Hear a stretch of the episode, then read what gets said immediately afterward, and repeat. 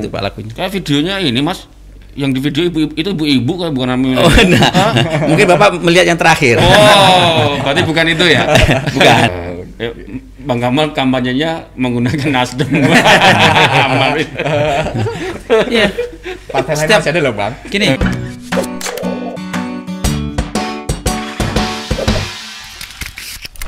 Nah, itu kan eh, jaringan sos apa namanya?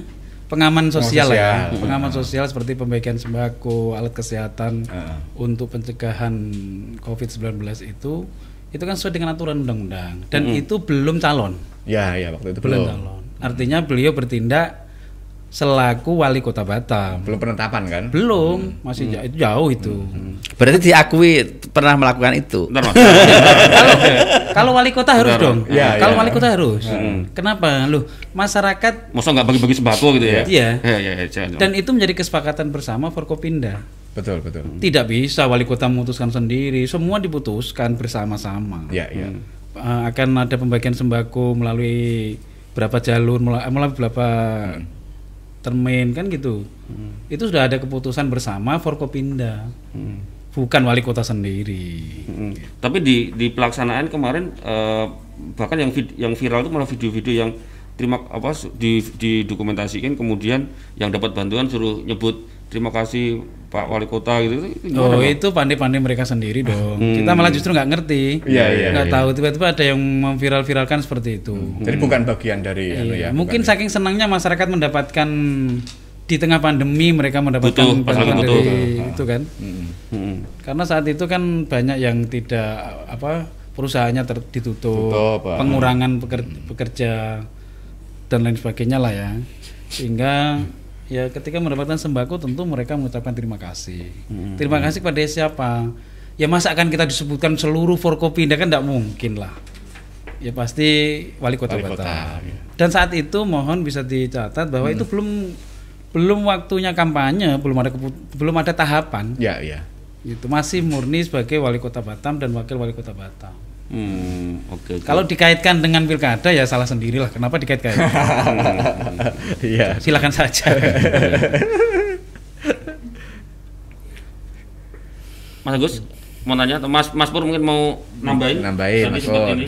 Ya kalau bicara tentang apa ya tadi, saya teringat apa namanya peraturan Permendagri 64 tahun 2020 itu memang mengatur bagaimana APBD di masa pandemi itu eh, difokuskan ada tiga yaitu untuk jaring pengaman eh, Sosial. sosial, perbaikan dan pertumbuhan ekonomi apa ya pe- perbaikan perekonomian sama kesehatan. Nah terkait dengan cara cara apa namanya meskipun ada payung hukumnya untuk melakukan eh, jaring pengaman sosial di situ ada bagi-bagi sembako dari pemerintah sebagai kebijakan. Tetapi yang yang kami soroti adalah supaya itu tidak menjadi politisasi kebijakan. Karena itu kalau beliau tadi bilang menjadi keputusan Forkom Forkom Pinda itu tetapi ternyata eh, ada sebagian ya yang yang mengeklaim dari mana tetapi itu sebuah kebijakan perseorangan. Pada itu kebijakan kebijakan eh, ya kes- apa kolektif ya tapi yang memang tidak tidak dibenarkan adalah mengeklaim terus umpama menempeli stiker ini bantuan eh umpama wali kota terus ada saya pikir teknis seperti itulah yang menjadi permasalahan di lapangan Ya. Pak Cuman itu yang memang- Tapi gini juga. belum belum ada pendaftaran, belum ini kan. meskipun Gini, itu gini, gini. meskipun itu Eh. politisasi kebijakan nggak bisa pak seperti itu Hal ini gini, pertama belum tahapan. Hmm. Yang kedua, ini berlaku di seluruh Indonesia. Ya. Seperti itu. Tidak hanya Batam. Termasuk yang disampaikan Mas Pur tadi tentang penempelan stiker. Kalau tidak ditempeli, masyarakat akan ke- Tanya. tanya dari mana ini gitu. Bahkan ada yang begini, Hmm. Mbah ini ada bantuan sembako dari COVID-19. COVID-19 itu siapa? Didoakan semoga Covid panjang Semoga umur. ini Ampun, artinya apa? Harus ada identitas jelas Ya, siapa ya, yang ini bantuan dari siapa dari Ya. mana? Paling enggak ini bantuan dari pemerintah Kota Batam. Ya. Ya pemerintah usah Kota nggak usah Batam nyebut namanya. nyebut. kan wali kota dong. Hmm. Wali kota dan wakil wali kota lah. Hmm. Kalau tidak seperti itu orang bingung juga. Ini dari mana ini? Jangan-jangan ada yang itu kasusnya kan ada juga yang apa itu mengasih bingkisan ternyata prank itu kan Ya, ya. sehingga Ah, dimarah dibully oleh banyak orang. dibully. Ya, Kasus seperti itu. Untuk mengantisipasi itu, hampir seluruh kepala daerah melakukan hal Hmm. yang Serupa ya. serupa. Ya, ini terkait dengan money politik ya. Tadi kan Hmm. eh, tingkat partisipasi terus eh, apa money politik. Penerima dan memberi uang dalam pilkada tahun 2020 ini bisa dijerat pasal pidana dengan ancaman hukuman penjara paling lama 72 bulan. Pemberi dan penerima. Penerima, ini mungkin eh, izin Bagi- kalau bisa besok kita bisa bisa jadi HL nih. Ingetin masyarakat bahwa penerima dan memberi uang dalam pilkada tahun ini itu bisa dijerat pe- apa eh, hukuman penjara 72, 72 bulan. Ini merujuk Undang-Undang Nomor 10 Tahun 2016 tentang pilkada khususnya pada pasal 100 187A ayat 2. Ini ini harus jadi komitmen bersama nih kayaknya. Ya, karena kalau sampai eh, termakan money politik, tentu mengorbankan kalau sini cuma tiga setengah tahun ini sekarang kan, Iya. tiga setengah tahun ke depan. Artinya pemilih 3,7. 3,7, 3,7. Karena 2024 pemilihan lagi. Kebetulan tanggal 10 besok eh, semua paslon ada KPK turun, eh, Menteri Dalam Negeri turun. Ya, Di Radisson itu kita diundang juga, beliau juga diundang untuk eh, penandatanganan fakta integritas tentang pemilu yang ya apa ya bermartabat atau apa itu. Makanya sebenarnya apa yang eh, Bung ingatkan tadi juga kita juga concern itu, tidak akan melakukan itu. Ya sepakat ya, sepakat, Sepakat, untuk tidak- sangat sepakat kita tidak akan money politik. Dan masyarakat kita semua sama-sama ikut mengawasi ya. Ya, Ikut mengawasi. Kalau ada yang Memang ada sebagian itu. masyarakat yang mungkin kok enggak diserang saya ya. itu ada juga lah ya. Mana diserangnya mas? membuka diri gitu. Membuka diri, menerima serangan Oh, fajar gitu. iya. Ya bercandanya kan begitu. ya berarti pintunya harus dibuka lebar-lebar. Tapi hati-hati ternyata di Hati-hati, situ Ternyata ya. song yang ditangkap Mas, masuk penjara. Iya iya. Eh, apa oke soal eh, money politik kayak, sepertinya sepakat dari dua pasangan Sepakat. calon. Memang harus harus eh, anti. Bang. apa tadi Bang Kamal sampaikan sepertinya kalau ngomong soal money politik tahun ini pengaruhnya nggak terlalu besar. Terlalu besar. Gitu. Tapi eh, apa sih yang dilakukan tim Pak Rudi Pak Amsakar agar eh, apa ya mungkin gimana ya biar nggak Hmm. kena Bawaslu ya. agar milih Pak Rudi dan eh gimana ya? Ah. itu itu sudah diatur Enggak, Pak. ini gantian nanti gantian ke Mas ini, Mas Iya. Pur. Mas Pur semangat. Ya, saya pikir gini, kita harus memaknai pilkada itu sebagai pesta ya rakyat, pesta demokrasi yang harus kita lalui dengan hal-hal yang tidak melanggar lah, Hmm. Mm-mm. hal-hal yang tidak baik. Sekarang untuk apa sih hanya dapat uang 100, 200 gitu. Tapi kita akhirnya terbeli. Hmm. Maka kami di Pilkada 2020 2020 ini eh, memperbanyak turun ke masyarakat menyapa. Menyapa masyarakat untuk sosialisasi, memperkenalkan paslon dan menyampaikan program-program unggulan paslon agar masyarakat itu tidak salah pilih gitu. Hmm. Tidak salah pilih dan tidak terpengaruh dengan hal-hal iming-iming yang menurut kami tidak benar. Lah dari banyaknya turun ke masyarakat eh, banyak masyarakat yang memang menyampaikan keluh kesahnya apa semua gitu. Dagangan masalah lah intinya Ya, ya. seperti itu. Dan itu kami rasakan yang paling banyak turun ya paslon kami. Hmm. Hampir setiap hari itu sampai 10 acara 10 kegiatan. Loh, dagangan masalah itu kan waktu pemilihan eh, wali kotanya Pak Rudi juga, Bang. Gimana jadinya? Bang? Lah ya artinya kita kan harus em, mensosialkan tahapannya sosialisasi atau Ah, ah. berkampanye. Heeh. Meskipun sebenarnya kampanye saat kali itu agak repot. Iya, iya. Repotnya karena aturan KPU PKPU-nya sangat ketat, terus ada protokol kesehatan yang harus dilaksanakan. Pertemuan tatap muka tidak boleh lebih dari 50 Dibatasi. 50, ha. orang dibatasi sehingga waduh sebenarnya capek juga. Hmm. Gitu. Sat, apa satu tempat 50, tempat 50 50 gitu. Tapi itu kita lakukan. Hmm. Kenapa? Karena kami ingin paslon kita itu benar-benar bisa bertemu dengan masyarakatnya, bisa menyapa dengan masyarakatnya, sehingga masyarakat itu ketika mau menentukan pilihan dia tidak salah pilih. gitu. Hmm. Satu Jangan sampai berapa- ada istilah Satu hari berapa keliling berapa tempat bisa? pernah itu satu hari lima, 18 tempat 18. satu hari. Sekarang rata-rata ya 5 7 tempat yang harus dihadiri, didatangi oleh kita bikin andai paslon tidak bisa hadir, kita wakili oleh tim-tim kita ini.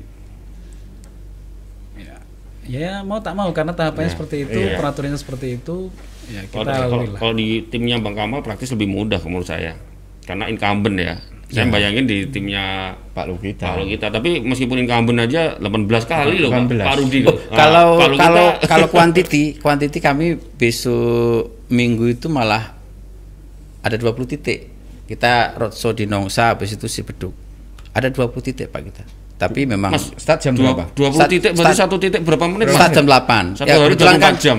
eh, ya kebetulan begini eh, teknis kita kan kita bagaimana cara masyarakat yang intinya begini banyak masyarakat yang mengharapkan ingin kenal Pak Lukita ingin kenal Pak Basit eh, itu minimal tahu saja kita paling perkenalan sementara tapi masyarakat untuk selebihnya kita kita berikan program itu dalam bentuk tertulis kita bagi-bagi begitu. Jadi teknisnya sebelum apa namanya eh, bapak turun ada tim advent dulu yang sudah memberikan pengenalan. Eh, bapak datang di acara inti terus habis itu dikelilingkan gitu istilahnya dikelilingkan gitu pak dirotsokan gitu Dirotsokan.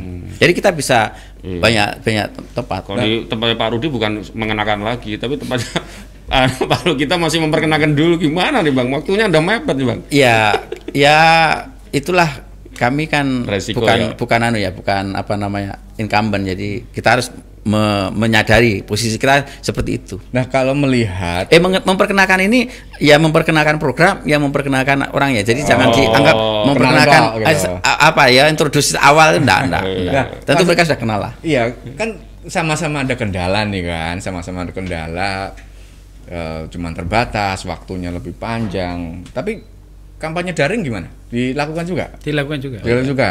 ya itu Oh. harus itu Udah sekarang dulu bilang enggak, dulu enggak begitu. Ya setelah saya Setelah- dapat saya dapat setelah da- dari dari, sini, tribun dari ya sini, setelah dari tri- baru. tribun menginspirasi tribun menginspirasi Kalau di kami memang dari awal Iya. kita sudah dapat apa namanya eh, masukan dari kawan-kawan Heeh. sebagai ketua tim pemenangan kami bentuk juga divisi yang menangani khusus eh, kampanye virtual Mm-mm. itu sudah berjalan sambil faktual kita virtual juga seperti itu. Dan menurut kami sampai sekarang hasilnya efektif juga. Efektifnya kita bisa menyapa milenial kita bisa menyapa para pekerja yang memang waktunya agak susah. Mm-mm. karena mereka dari pagi bekerja terus sampai sore terus malamnya istirahat tidak bisa mengadakan pertemuan. Itu kita sapa melalui virtual. Seperti itu. Kalau itu sudah berjalan lah. Intinya kita dari paslon ramah ini selalu mengikuti tahapan dari yang telah ditetapkan oleh PKPU dengan baik mengikuti aturan yang ada dan berharap eh, masyarakat mengetahui masyarakat bisa menentukan pilihannya tanpa eh, seperti istilah membeli kucing dalam karung lah. Hmm. Tapi selalu- tapi bukan pasangan ada ya pasangan kucing dalam karung lah ya. Saya harus jawab ini. Karena hanya Ya, dua ini. dua, kan. pokoknya kalau dua ini jadi istilahnya begini kalau ada baliho rusak di sampingnya ada baliho yang satunya pasti yang sebelah itu. Nah, ini harus selalu anu dikonfirmasi. Tapi kami tidak Normal. pernah merasa menuduh. Sama. Jokowi dulu waktu yang kedua mesti ngomongnya apa jualan kampanye jangan beli kucing dalam karung ya. Iya, ya kan otomatis menuduh yang sebelah kan Karena cuma pilihannya cuma dua. cuma dua Nah, tapi kan harus dilihat dari realita lapangan. Iya. Artinya gini, eh, se- eh, kita turun ke masyarakat dengan jumlah acara yang begitu banyak, begitu padat. Ini juga sesuatu hal yang ya anggaplah berat juga. Tapi karena kita ingin agar masyarakat tidak keliru, gitu. Iya. Mm-mm. Maka itu ya kita lakukan meskipun berat. Di tengah pandemi corona loh. Iya. Kita harus ketemu dengan orang banyak, ketemu terus apa semua Tapi protokol jalan. protokol harus jalan Iya. karena di saat kampanye atau sosialisasi paslon itu kan ada bawaslu ada polisi kan Hmm. ada tim pengamanan yang memang mengamankan kalau tidak sesuai akan dibubarkan saat itu juga Iya. Dan itu selama ini tidak ada pembubaran ya berarti sudah sesuai Iya. dong gitu Iya. Kalau menurutku eh, ini menurut saya ya Mas, apa? Memang kampanye daring itu justru malah bisa meningkatkan tingkat partisipasi kalau Iya, masing-masing iya. calon itu benar-benar Menggarap eh, situ ya. iya serius gencar betul karena beberapa eh, apa nggak tahu kalau di di surveinya di internal itu banyak nggak yang mereka tuh milih itu tahu pasangan tuh dari dari mana kalau mungkin dari bang Kamal pernah ada nggak Ada, survei? ada. ya maksudnya mereka tuh mi- milih milih Pak Rudi itu dari dari dari mana dari sosial media dari Iya. koran dari Ta- tatap langsung Pertama dari tatap langsung. Ini yang paling mas- masih paling, paling besar tinggi. ya? paling Ah. besar itu. yang dua dari gambar. Oh, gambar bisa ya. Spanduk, baliho dan macam-macam itu gambar. Masih efektif ya? Masih, Spanduk masih, ya? masih efektif. Yang ketiga melalui virtual itu. Virtual melalui ya? medsos lah. Hmm. jadi sosial media itu yang ketiga malah ya Iya. bang ya? Hmm, iya Hmm. Kalau bang, Tapi yang paling penting itu memang tatap muka itu. Iya. Tatap muka itu menjadikan masyarakat bisa lebih dekat, masyarakat langsung tahu, masyarakat bisa bertanya, paslon bisa menyapa kan gitu. Mm-mm. Kalau tidak banyak tatap muka ya kita nggak tahu juga gimana. Gimana? untuk- Mas ya kalau banyak- kami menggunakan ya secara persentase tatap muka menjadi apa ya menjadi yang tertinggi ya Tetap ya, sama Tetap ya? yang tertinggi Hmm. tetapi begini saya kalau melihat kalau kami memang menggunakan maks maksimal mungkin ya masa-masa kampanye ini karena memang eh, berbeda dengan yang sebelah sebelah itu dulu sebenarnya seharusnya nggak perlu nggak perlu kampanye 10 tahun itu nggak perlu kampanye karena udah terkenal ya Kalau nanti nggak perlu kampanye biar biar menang gitu. Kan Justru ya aja. Caranya begitulah. Begitu. dulu dulu saya masih ingat Ramah itu punya program ingin berkantor di kecamatan per satu bulan gitu mutar gitu ya sayang sebenarnya kalau itu dilaksanakan bagus tapi program yang sudah dibentuk itu tidak dilaksanakan saya malah bertanya ke Pak Kamal kenapa program eh, Ramah itu ba- banyak dari awal yang nggak dilaksanakan itu justru saya mau bertanya itu. Contohnya berkantor di tiap ke- eh, kecamatan. Kalau sekarang ini kami punya program akan berkantor ke dari Pulau itu Pak. Nanti mutar kita Pak. Jadi ada kantor mobile. Kalau ada tol laut itu wali, Mas- kantor mas- wali kota lah maksudnya kalau berputar. nanti Gini. kalau nanti ini gitu. Jadi kita menyapa masyarakat banyak masyarakat eh, hinterland itu yang nggak punya barangkali nggak punya susah mempunyai KTP terus membuka perbankan kesehatan itu. Nanti kita ada punya program itu keliling pulau-pulau Pak karena 98% Batam itu kan eh, air perairan ya laut, ya. Laut, ya. makanya kita menyatukan itu kalau Pak Jokowi punya tol laut kita punya kantor wali kota uh, anu mobile gitu nanti kalau dulu beliau ini kan punya program kantor wali kota ingin berkantor di kecamatan tiap bulan tapi enggak tahu kok enggak terlaksana. Jadi M- mungkin teknisnya beda mungkin Beda. Pak. Coba saya tanyakan dulu lah. Nah, Iya, Nah, atau mungkin udah ngantor nggak kelihatan ya. Batam ini eh, wilayah geografisnya tidak terlalu luas. Artinya dalam waktu satu hari semua bisa dijangkau. Ya. Kita itu kalau berputar Batam dari Sekupang ke Nongsa ke Batu Ampar ke Tanjung Uncang itu satu hari tidak sampai Kelar lah itu ya. kelar. yang mainland, yang mainland ya. Ya, yang mainland. Yang pulau-pulau itu eh, di sana kan sudah ada perwakilan dari masing-masing kantor kelurahan dan juga eh, ada RT RW sebagai pelayan masyarakat yang paling di paling dekat dengan mereka. Artinya melakukan hal-hal seperti memindahkan atau berkantor di masing-masing kantor kecamatan itu menurut hitungan kami tidak efektif. Hmm. Memang dulu pernah dimasukkan dalam visi misi, tetapi setelah dilaksanakan tidak efektif karena kita lebih, saya melihat ya, melihat dan merasakan mobilitasnya Pak Rudi itu tidak sebagai wali kota tidak perlu berkantor seperti itu, Hmm. pakai handphone dan langsung menyapa ke masyarakat. Gitu. Maka programnya itu setiap hari ada turun ke masyarakat, baik Pak Wali Kota maupun Pak Wakil Wali Kota. gitu. Itu malah lebih efektif. Kalau hanya berkantor, orang tak mau ke kantor juga repot juga. gitu. Kantornya kantornya di mobil ya. Ada pertanyaan mas? Iya. Ya. Mm-mm. Ada pertanyaan bang? Ya ya ya. Di- Nanti- wah ternyata kita udah hampir satu jam. Heeh, ya kita ke pertanyaan deh. Dari, dari siapa nih? Ferencia Olive, Ya. ya Ferencia Olive. Rata-rata teman saya memilih golput, alasannya karena nggak tahu siapa aja paslonnya. Waduh, Sudah maksimalkah selama ini kinerja tim pemenangan untuk menyentuh anak muda? Ya mungkin Ferencia aja mungkin yang Iya, nggak Pak. ini ya. Gini, Atau Tidak- saya tidak minta tolong tersentuh. Mbak, Mbak Olive tuh kawan-kawannya supaya nggak golput lah ya. Saya ada jawaban ini. Nah. Gini, ternyata kampanye virtual itu tidak semudah yang kita omongkan. hmm. Apa bang sulitnya? Sulitnya itu eh, masyarakat itu juga tidak terlalu menyukai kampanye virtual. Hmm. Gitu. Andai kita bikin eh, penyampaian gitu kan. Nah, Yang hadir ya dua tiga orang kan begitu.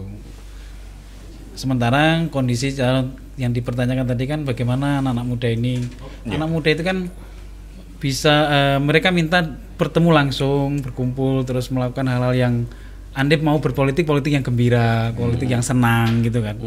Itu kan untuk pandemi ini kan susah untuk dilakukan. Kalau kita kumpulkan banyak-banyak tidak diperbolehkan. Kita buat kegiatan-kegiatan yang melebihi dari protokol kesehatan, aturan tak boleh juga. Jadi ya mungkin kami harapkan eh, pandai-pandailah anak muda kalau memang mau anu bergabunglah di milenial ramah. Oke. Mbak Ferencia Olive ya. Ah. Bergabung sama kami. Nanti kami kasih advokasi. bergabung ya tidak milih eh, ini ya Mas kalau Mas Pur mungkin bisa menjawab Mbak Florencia Kalau saya lebih ke substansi kenapa anak muda itu kurang begitu greget ya untuk dalam pilkada. Karena apa yang ia inginkan itu tidak terfasilitasi. Oleh karena itu kami pasangan Lukita Basit memfasilitasi apa ya apa yang selama ini tidak tersentuh oleh pemerintah. Yaitu peningkatan anggaran supaya mereka itu apa namanya eh, bakat seni mereka itu bisa tersalurkan. Tersalurkan. Contohnya tadi Kemen apa namanya Kanpora kita anggarannya kecil sekali. Bagaimana kita bicara? Ya, tadi udah disampaikan. Iya sudah saya sampaikan, tetapi ini saya tekankan kembali Hmm, karena memang sangat penting eh, anggaran itu pak. Kalau tidak ada anggaran tidak bisa. Gini. Pak. Iya. memang Terkait Gimana? dengan anggaran, apa yang disampaikan oleh Mas Pur tadi, eh, cara melihatnya tidak seperti itu. Cara melihatnya adalah bagaimana mengefektifkan anggaran yang ada. Kita bisa melihat mengadu eh, apa namanya membuat perbandingan di daerah-daerah lain. Batam ini APBD-nya saja 2,9 triliun. Ya. Anggaplah 3 triliun lah gitu ya Hmm.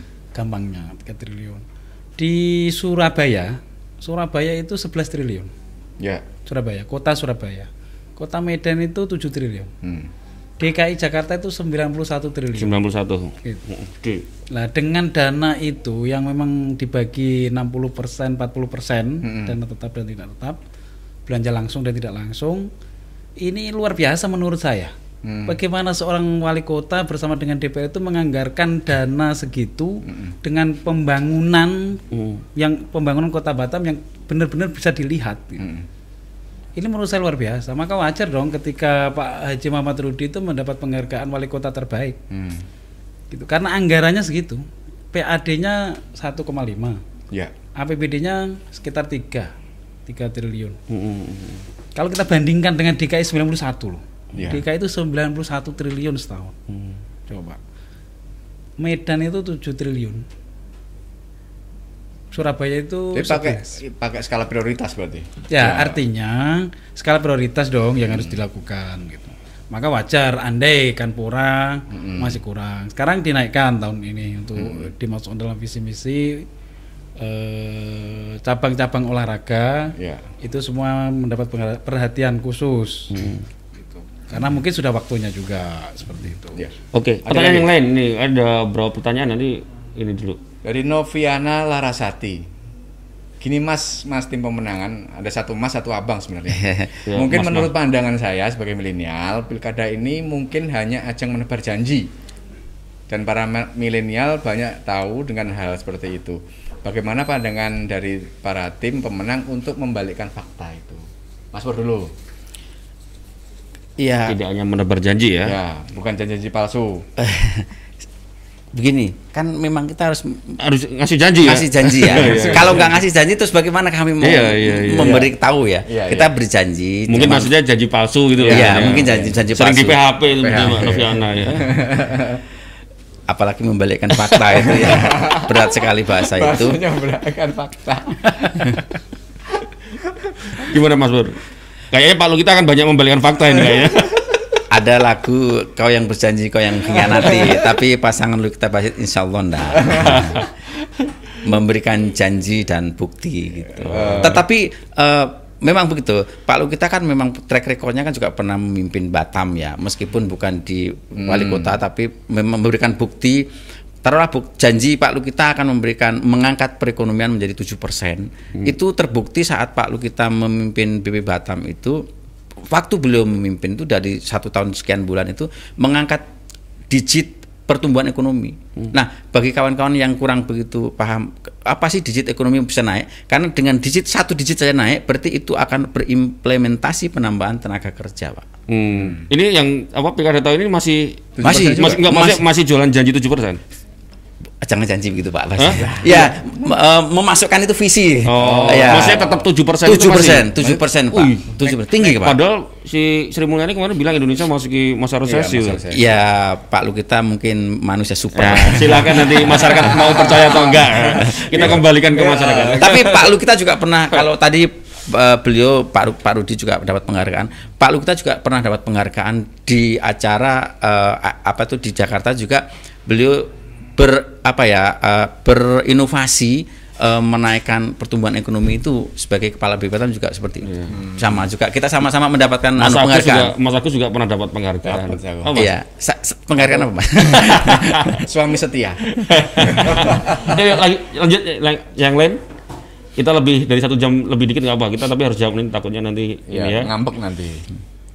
Budi Sildra, pemilih pemula sebenarnya kedekatannya dengan dunia politik sebenarnya masih minim. Maksudnya pemilih pemula sebenarnya kedekatan dengan dunia politik se- sebenarnya masih minim. Oke. Sementara informasi proses politik yang berkarakter masih minim.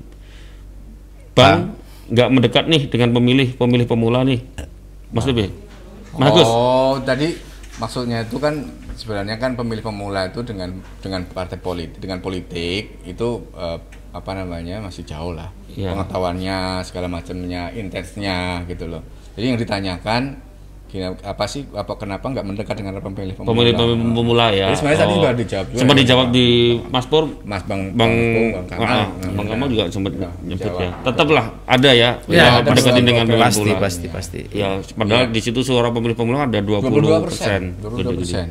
Ya, Mas Agus. sampai Dari. Neo Am, menurut tim ses seberapa urgent generasi milenial wajib terlibat di pilkada? Bang Kamal, Kalau kami mewakili tim pemenangan ya 100% wajib Wajib ya. Wajib. untuk pendidikan. Hmm. Pendidikan karena pemuda atau generasi milenial kan kemudian akan menjadi estafet kepemimpinan. Hmm. Jadi mau tak mau dan begini loh, politik itu kan bukan jangan menganggap politik itu jelek. Hmm. Kita hidup di Indonesia ini mau tak mau bersilaturahmi dan politik itu baik Iya. karena menjaga keberlangsungan manusia hidup untuk tatanan yang lebih baik dunia dan akhirat. Hmm. Itu sebenarnya politik. Kalau ada yang hal yang nggak baik ya tentu itu bukan politik dalam tanda petik yang benar gitu. Iya. Anggaplah itu oknum lah. Kalau milenial udah nggak peduli siapa yang melanjutkan Ya. pemerintahan gitu kan gitu kan. Seperti itu. Heeh. Jadi Mas Pur ada Oh, tambahan? ya kami ya sama very very urgent lah Very, ya. very Kalau bisa Triple mau urgent. mau mau bergabung dengan kami ya kami persilakan welcome datang kami ke apa nama rumah pemenangan kami di Greenland silakan Oh, di di depan Empang itu. Kalau menurut saya Bisa begini, sediakan satu mangkok bakso untuk Ah, ke sana. karena bersampingan dengan seperti itu. Iya kan? Kalau milenial spanduk. milenial mau bergabung itu lebih baik berpolitiklah secara gembira. Gembira itu artinya berpikir positif, berpikir uh, positive thinking, terus tidak sedih lah. gitu. Gembira dan tidak usah marah-marah. Harus ramah-ramah. Emang emang ada yang marah-marah bang? ya kalau tidak gembira kan marah-marah biasa. Oke, lanjut lagi. Wus, ini ini bukan tanya nih. Ini Ini warning ini. Warning. eh, hati-hati milenial menjadi apa? Sasaran politik. Sasaran politik. Pol- money politik. Tapi tadi soal saya menyambung Bang Kamal, memang eh, politik itu tidak identik kan emang kesannya kemarin kita ngobrol soal politik dengan siapa ya? Yang Mbak ini ya dari dosen dari. Unrika ya.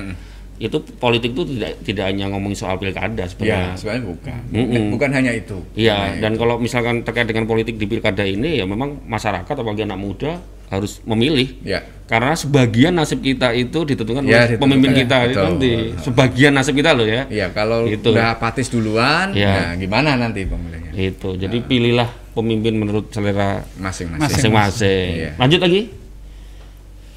Ahmad Anas Mubarak Ashari pernah berjuang bersama sekarang satu meja beda gerbongnya salam sukses dan damai untuk semua gue ini kayaknya Siapa ini? kayak mas buat Mas Pur deh kayaknya Begini, saya Mas Kamal, Pak Rudi itu pernah gerbong sama. Iya, kayak- Oh. Berawal dari Partai Kebangkitan Bangsa. Jadi saya Mas Kamal ini kalau boleh dibilang anak didik Pak Rudi lah. Wih. Tapi Oh. dalam konteks pilkada Tapi kok Mbak Balelo sekarang? Oh, oh, bukan, karena bukan. jadi kalau Mbak Lelo itu apa ya? Seolah-olah kan anu ya. Apa? Nah, kita punya gerbong partai Oh, partai masing-masing masing-masing dan yang- partai kita kebetulan yang kita usung untuk Iya. pilkada 2019 ini adalah ketua DPW Partai Kebangkitan Bangsa, Ah, Bapak Dr. Antus Abdul Basit Has MPD gitu. oke oke oke Jadi Iya, kalau pertanyaan iya. beliau kan memang kita berkawan di luar. Iya. Nanti ber, Ada nanti ngopi bareng di luar. Nah, sama. kemarin aja sama sama Mbak Dewi itu satu sama Mbak. Dewi ya. Saya Mbak Dewi Mas Kawan itu satu seguru seilmu. Dilarang mengganggu. Oke, Mas, kita udah satu jam lebih Ah. enam menit. Terima kasih banyak. Tapi closing statement. Oh, closing statement lah Closing terkait statement. dengan tema kita. Ya, ajakan ajaklah masyarakat Batam untuk untuk memilih mungkin dari Bang Kamal mewakili dari tim Pak Rudi Pak Amsakar, nanti dilanjutkan. Mm-mm. Sama Bang ini, Heeh. Yakin menang berapa persen? Oh ya, boleh boleh. Itu dulu itu dulu ya. Mm. Dari nomor satu dulu lah. Nom- Nomor satu nomor satu. Nomor satu. Yang- menang, yang- menang, menang berapa persen?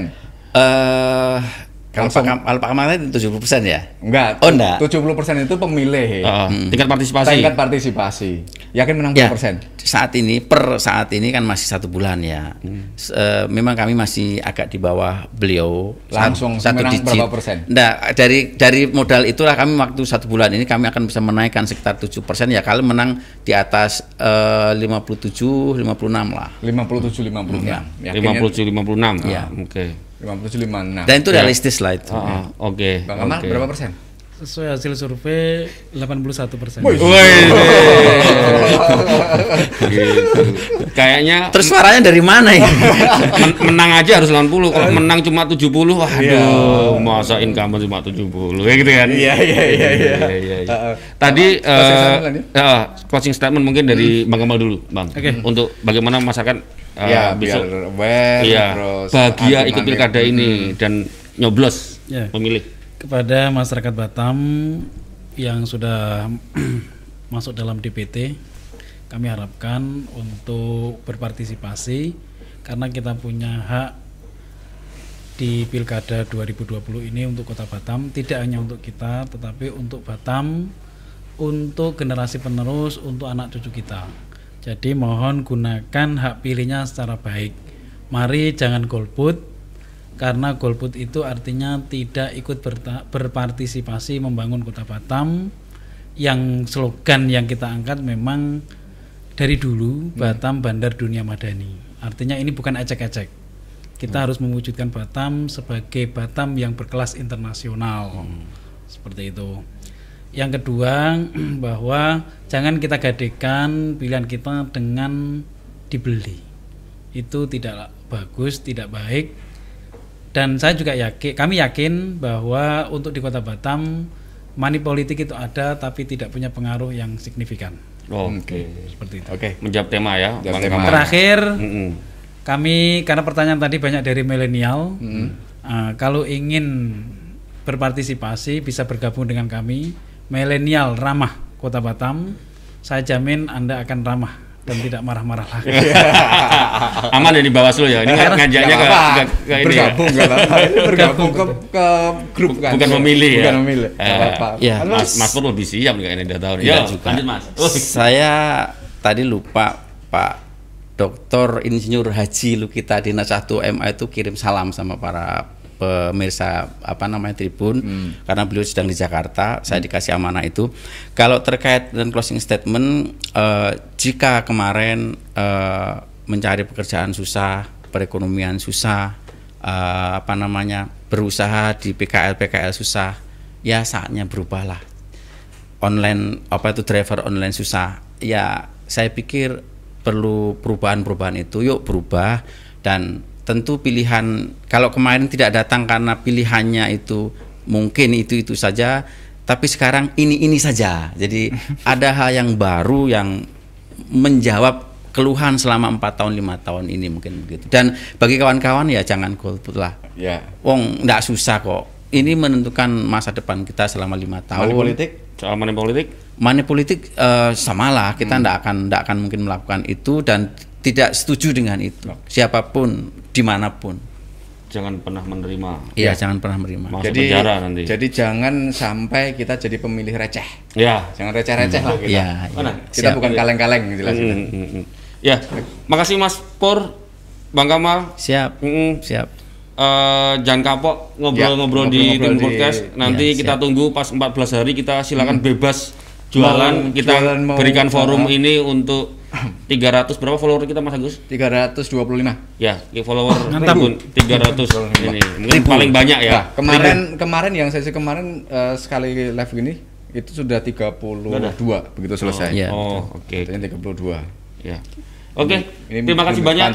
Ya. Eh, narasumber oh, enggak, enggak ada ya? Eh, Oh, ya, Apa? oke. Eh, jangan lupa saksikan Hmm, obrolan di- kita obrolan ini kita terus. di YouTube Tribun Banten Podcast. Iya. Ya. Nanti akan ada apa? eh, video Videonya. Kemudian hmm. untuk kalau mendengarkan audionya sudah nanti akan kita posting di Spotify, dan Spotify Anchor. dan Anchor. Ya dan obrolan kita mungkin akan kita tayangkan di media harian Tribun Batam. Ya, Ya. mungkin lusa ya, mungkin lusa, Lusa. ya, atau Senin ya kita akan Biar lebih kita lebih dalam lah, ya, lebih lebih dalam, ya dalam. obrolan kita ini. Jadi nanti eh, teman-teman yang tadi ketinggalan masih bisa dapat informasi apa yang tadi kita obrolin. Dan videonya masih tersimpan di Facebook.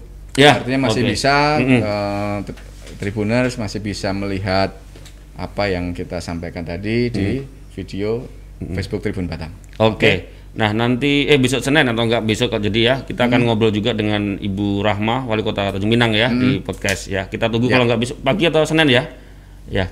Oke, gitu dulu teman-teman Tribuners sampai ketemu lagi. Salam. Dadah, Bye bye Tribuners. Tepuk tangan, Mas.